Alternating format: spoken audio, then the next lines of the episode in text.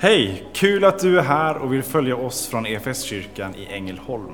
Du kommer nu att få se eller höra en predikan från en av våra gudstjänster. Har du några frågor eller vill veta mer om oss som kyrka så kan du alltid gå in på www.efskyrkan.info. Vill du ha tillgång till mer undervisning eller ta del av våra inspelade konferenser eller gudstjänster gå gärna in på vår Play-kanal, efskyrkan.tv. Nu ska vi lyssna på denna veckas predikan. Sara Engström heter jag alltså. Jag jobbar här i församlingen som ansvarig för barnverksamheten och som kommunikatör. Ehm, och jag ska få predika idag. Ehm, och vi ska börja med att läsa dagens evangelietext som är hämtad från Matteus evangeliets 17 kapitel. Och står det så här. Sex dagar därefter tog Jesus med sig Petrus, Jakob och hans bror Johannes och förde dem upp på ett högt berg där de var ensamma.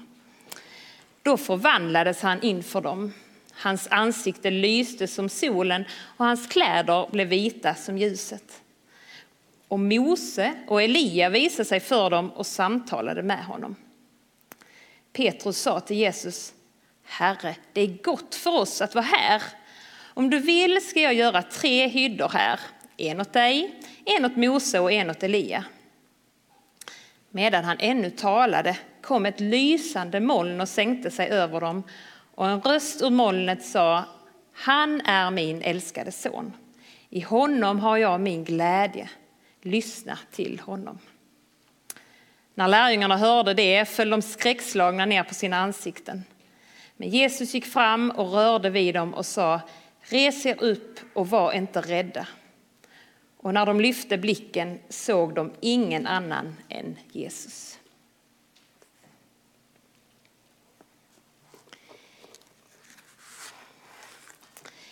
I kapitlet före dagens evangelietext så har Jesus börjat prata om att han ska gå upp till Jerusalem och lida och dö, men också uppstå på tredje dagen.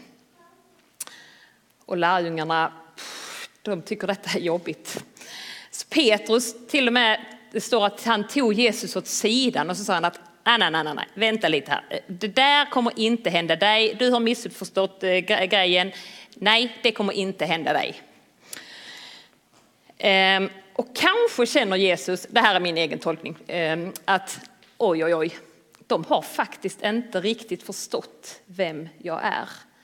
Fast att jag har predikat för dem, gett dem liknelser, jag har eh, gjort under, jag har botat sjuka, så har de inte riktigt förstått vem jag är. De tror att det ska vara lite så här, men vi ska ha ett gött gäng här, det är mysigt, vi ska göra häftiga saker, men de har inte på riktigt förstått att jag faktiskt är här av en speciell anledning. Så han tänker, jag behöver nu förklara på ett ännu tydligare, kanske till och med lite spektakulärt sätt, vem jag är. Så han tar med tre av lärjungarna, Petrus, Jakob och Johannes, upp på ett berg. Och så är det lätt att tänka att Jesus höll en lång predikan där uppe. För vi brukar ibland kalla det för förklaringsberget och då tänker vi ju lätt att okej, okay, då får vi ändå ha en halvtimme, timme eller så. Ehm, men egentligen när man läser texten så är det egentligen bara fyra korta meningar som lärjungarna får höra. Och när jag har förberett den här predikan och börjat tänka så har ens en fråga snurrat i mitt huvud. Det är frågan, vad vill Jesus förklara för oss idag? Vad vill Jesus förklara för mig och för dig idag? Och så har jag på något sätt gått och väntat på att jag skulle få något häftigt tilltal eller något speciellt som jag skulle säga till er. Inte ens min dotter Vera har hjälpt mig med någon bok från biblioteket som hon gjorde senast. Ehm, vi har inte varit där, det kanske, så det är kanske mitt fel egentligen. Ehm, nej, men det har inte riktigt kommit. Istället kom den här salmen som vi sjöng. Där vi sjöng Namnet Jesus aldrig mister genom tiderna sin glans. Och så insåg jag, jag behöver inte krångla till det. Budskapet som lärjungarna fick höra på berget, det är lika aktuellt idag för oss. Och det är samma sak som Jesus vill förklara för oss idag. som han förklarade för sina lärjungar där uppe. Så vad sägs där uppe då på berget? Jo, först är det Gud som pratar om Jesus. I det här molnet som sänks så hörs en röst. Och då säger först Gud, när han liksom nästan pekar på Jesus, och så säger han Han är min älskade son. I honom har jag min glädje. Och jag kan riktigt höra stoltheten i hans röst. Precis som jag ofta blir stolt över mina barn så är Gud också så stolt över sin son. Och han säger inte bara att det är hans son, utan han säger att det är hans älskade son. En son som han älskar så högt och som han är så glad för. I honom har jag min glädje. Och som det säkert smärtade oerhört att sända ner till jorden med uppdraget att dö, att lida och dö. Men han gjorde det ändå. Gud sände ändå sin son för att den här kärleken som han eh, känner till sin son, den stannar inte där. Han känner också en enorm kärlek för alla människor, för dig och för mig. Och därför sände han, kunde han sända sin son. Och han gläds över att hans son faktiskt är villig att ta den här uppgiften. Att vara beredd att, ja, okej okay, pappa, jag går in i detta. Jag vet, jag kan förstå att det kommer att bli tufft. Jag vet att det blir tufft, men jag vet att det också är den enda vägen för att, för att människorna ska bli räddade. Och så vet de också att döden inte kommer att besegra honom. Utan att Jesus kommer att uppstå. Att han, och att det kommer leda till att Gud kan leva med oss människor som han älskar, precis som sin son, i evighet. Om vi tror och förstår lite av vem han är. Namnet Jesus aldrig mister genom tiderna sin glans. Det om evig kärlek vittnar som hos ingen annan fanns.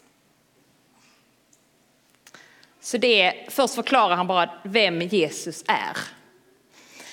Och sen fortsätter Gud med att säga lyssna till honom. Lyssna till Jesus, hör vad han har att säga, säger han till sina lärjungar. Ta dig, och det säger han till oss också, lyssna på Jesus, ta dig tid att vara med Jesus. Låt hans röst få vara den som vägleder dig. Inte alla andra röster som så lätt vill ta fokus från oss. Så får vi försöka, Åh Jesus, var är din? Nu hjälp mig att faktiskt höra din röst och inte alla andra röster. Så får vi läsa evangelierna, se vad faktiskt Jesus sa. Vi får ta in hans predikningar, hans liknelser och se vad han gör, hur han upprättar människor, hur han helar människor, hur han älskar människor och säger till oss att göra likadant. Att älska människor. Det var tre. Vi återkommer till den fjärde. Lite slutet av predikan. Först ska jag faktiskt säga någonting om de här, eh, får man kalla dem gubbarna, som också är med där uppe på berget, som bara dyker upp kan man känna. Eh, Mose och Elia står det ju. Eh, och Kanske är de där av en anledning. Kanske är det inte så att bara Gud tänkte att ja, men det är kul att ha med några till i dramat. Utan det finns en poäng med att just Mose och Elia är där. Det är två män som har fått vara med om riktigt häftiga upplevelser på berg tidigare. Eh, som verkligen har fått ha otroliga mäktiga gudsmöten på ett berg. I dagens gammaltestamentliga text från första Mosebok kapitel 24 så kan vi läsa om när Mose, som var den som ledde folket från slaveriet i Egypten genom öknen, långa vägen till löfteslandet som han inte själv fick komma in i men som folket fick komma in i till sist. Men han fick ju gå upp på berget Sinai och fick där ta emot stentavlorna med budorden med lagen, med det Jesus sa. Det här ska ni följa För då vet jag att det, att, ni, att det är bra för er om ni följer de här eh, lagen. Så där fick han verkligen möta Gud på ett otroligt eh, konkret sätt uppe på berget och ta emot lagen. Och Elia i sin tur, han hade en riktig omgång. Elia var en profet och han hade en omgång med några andra profeter som menade att det var Bal som var den guden man skulle tillbe och inte den guden som Elia sa eh, fanns. Och de skulle då avgöra vem som egentligen hade rätt. Och då var de uppe på ett berg och så byggde de varsitt altare. Och så la de en styckad tjur på var altare. Och så skulle de sen eh, se vilken av de här gudarna som faktiskt kunde tända eld på offret. Eh, och Balsprofeterna fick börja och de började ropa och ropa och de dansade och de hade alla möjliga riter. De höll på hela dagen och det hände ingenting. Och sen kom Elia och så ville han liksom göra det ännu mer tydligt om att hans Gud var den som var den levande guden. Så han tog en massa vatten och hällde på sitt eh, liksom, off, eh, tjuren och altaret och vatten runt omkring och så. Och sen så står det att han eh, bad Låt det bli känt idag att det är du som är Gud i Israel, att jag är din tjänare och att det är på din befallning jag har gjort allt detta. Och då står det att då föll Guds eld ner och förtärde brännoffret, veden, stenarna och jorden och torkade upp vattnet som fanns i diket. Den händelsen har Elia med sig upp på det här berget. Eller, liksom, och Petrus, Jakob och Johannes känner ju väl till de här berättelserna så de fattar ju vilka det är som är på berget. Att det är inte vilka gubbar som helst. De vet att det är Elia och Mose. Och det kanske också blir en sorts förklaring av vem Jesus är. Eller liksom, för att Mose stod då för lagen, Elia stod för profeterna och så kommer Jesus och binder samman alltihopa med nåden, med det nya förbundet. Och fullbordar på något sätt bilden.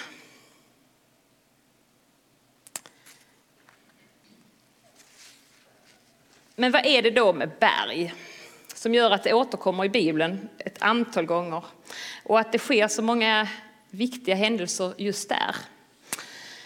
Jag läste en intervju med en eh, äventyrare som eh, heter Maria Granberg.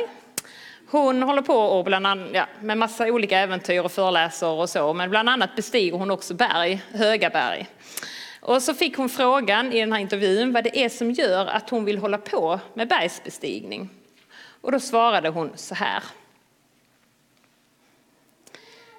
Bergsbestigning är för mig mer av ett inre äventyr än ett yttre.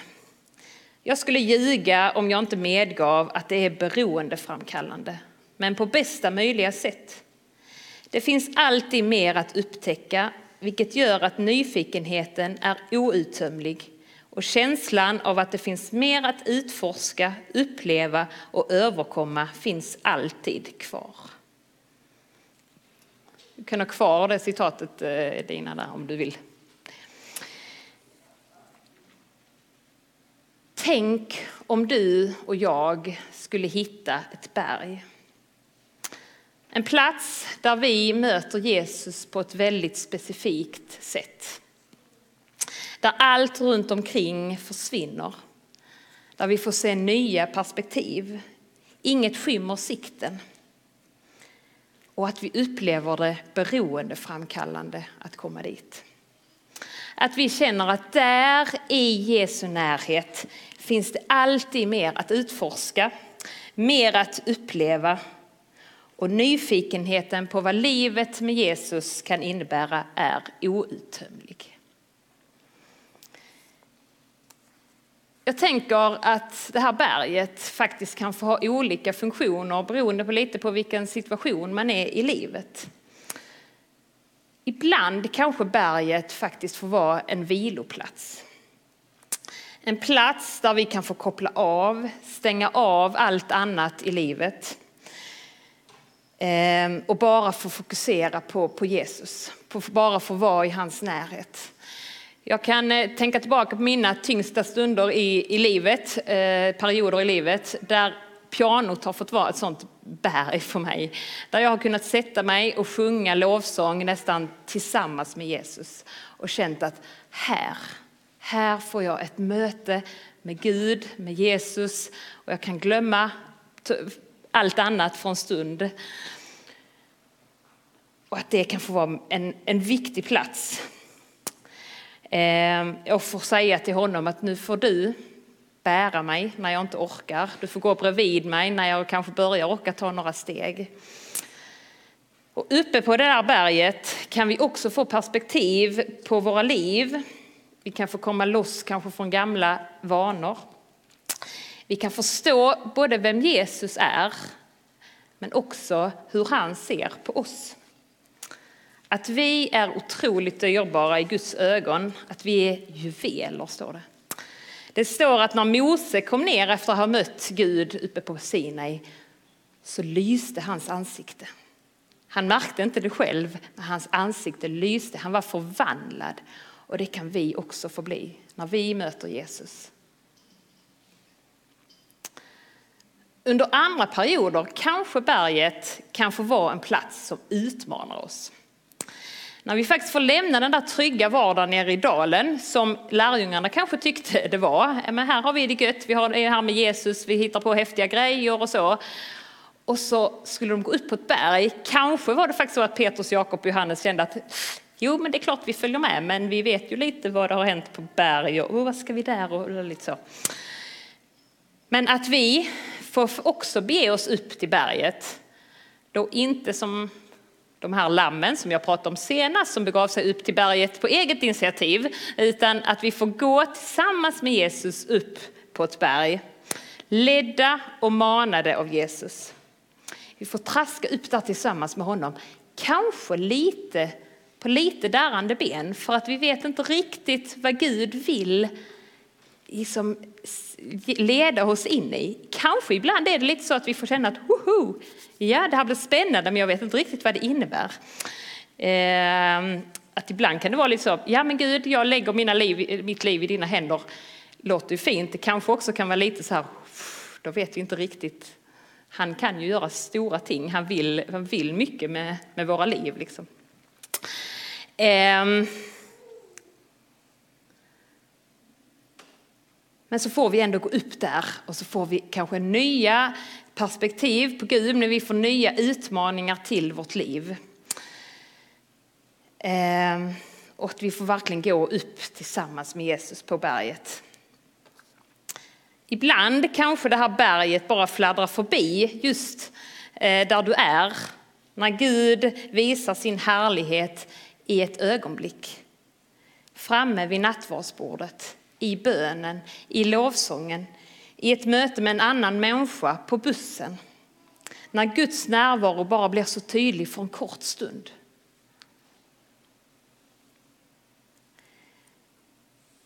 Det är inte så konstigt att Petrus tycker det är rätt så häftigt där uppe på berget när de väl har kommit upp. Han säger att Jesus, det är gott att vi är här. Och då använder det här ordet gott, det är samma grekiska ord, jag kan inte grekiska själv så jag har snott detta. Eh, när, när Gud, som Gud använder när han skapar världen och han säger att detta är gott, det blev gott. Så använder Petrus samma, samma ord. Och kanske känner Petrus att detta är så nära paradiset som jag kan komma. Och därför vill han bygga hyddor. Här kan vi väl stanna ett tag, här var det ju coolt att vara. Eh, Mose, Liev, jag kan ju fråga dem massa grejer. Det, och så. Men han börjar faktiskt inte, hinner inte börja leta något virke, var han nu skulle hitta det. Eh, så får han ändå lära sig att uppe på de här bergen, uppe på förklaringsbergen, så är vi inte permanent. Utan vi får faktiskt bara vara där korta stunder. Jesus stannade inte heller där uppe, fast att han fick vara, där fick han vara med sin, sin far, sin pappa. Och med Mose och Elias som de säkert hade väldigt mycket att prata om. Ehm, och lärjungarna fick inte vara där och vi ska inte heller vara där uppe. Utan vi ska få de här mötena, antingen som liksom låter oss vila ett tag eller de där mötena som faktiskt utmanar oss, som ger oss ny geist, ny eh, energi. Men sen ska vi lämna berget och återvända ner till vardagen. Påfyllda av det Gud, som Gud har gett oss av kraft, mod, glöd. Men så får vi också ta med oss den fjärde meningen som lärjungarna fick höra på berget. För när de låg där på marken, de hade ju blivit rätt rädda när det här molnet kom nersänkt och de hörde en röst som pratade. Liksom. Så de låg där. Och så rör, kom, står det att Jesus gick fram och rörde vid dem och så sa han, var inte rädda. Var inte rädda, jag går med er. Kom nu så går vi ner från berget. Och så återvände de ner till uppdraget och kom verkligen mitt i det som de, eh, Jesus också hade varit innan. De kom ner och så var där en pappa som hade en sjuk son som ville att eh, Jesus skulle hela. Så de var verkligen ner i vardagen direkt och eh, fortsatte sitt uppdrag. Och så får vi också återvända när vi har fått ett gudsmöte. Så får vi, när vi har kanske ett gudsmöte som det här gudstjänsten så får vi återvända ut till våra liv, till vår vardag och så får vi försöka förklara budskapet vidare till fler människor att Jesus är Guds älskade son som sändes till jorden för vår skull. Han är den bästa som vi kan lyssna på.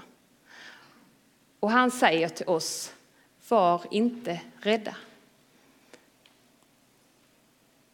Jag går med er. Salmen avslutades med Jesu namn, hur skönt det klingar. Låt det höras kring vår jord. Inget annat världen bringar hopp och tröst som detta ord. Som kyrka är det en glädje att få spela en liten roll av allt Gud gör i och genom ditt liv. Vi vill gärna fortsätta följa dig på den resan och vill du ta reda på vad ditt nästa steg kan vara på din resa med Gud så gå in på efskyrkan.info nästa steg. Vår längtan är att få se människor och samhällen förvandlade av Jesus. Genom en kyrka som återspeglar Guds hjärta, bär varandra och betjänar människor varhelst vi befinner oss varje dag.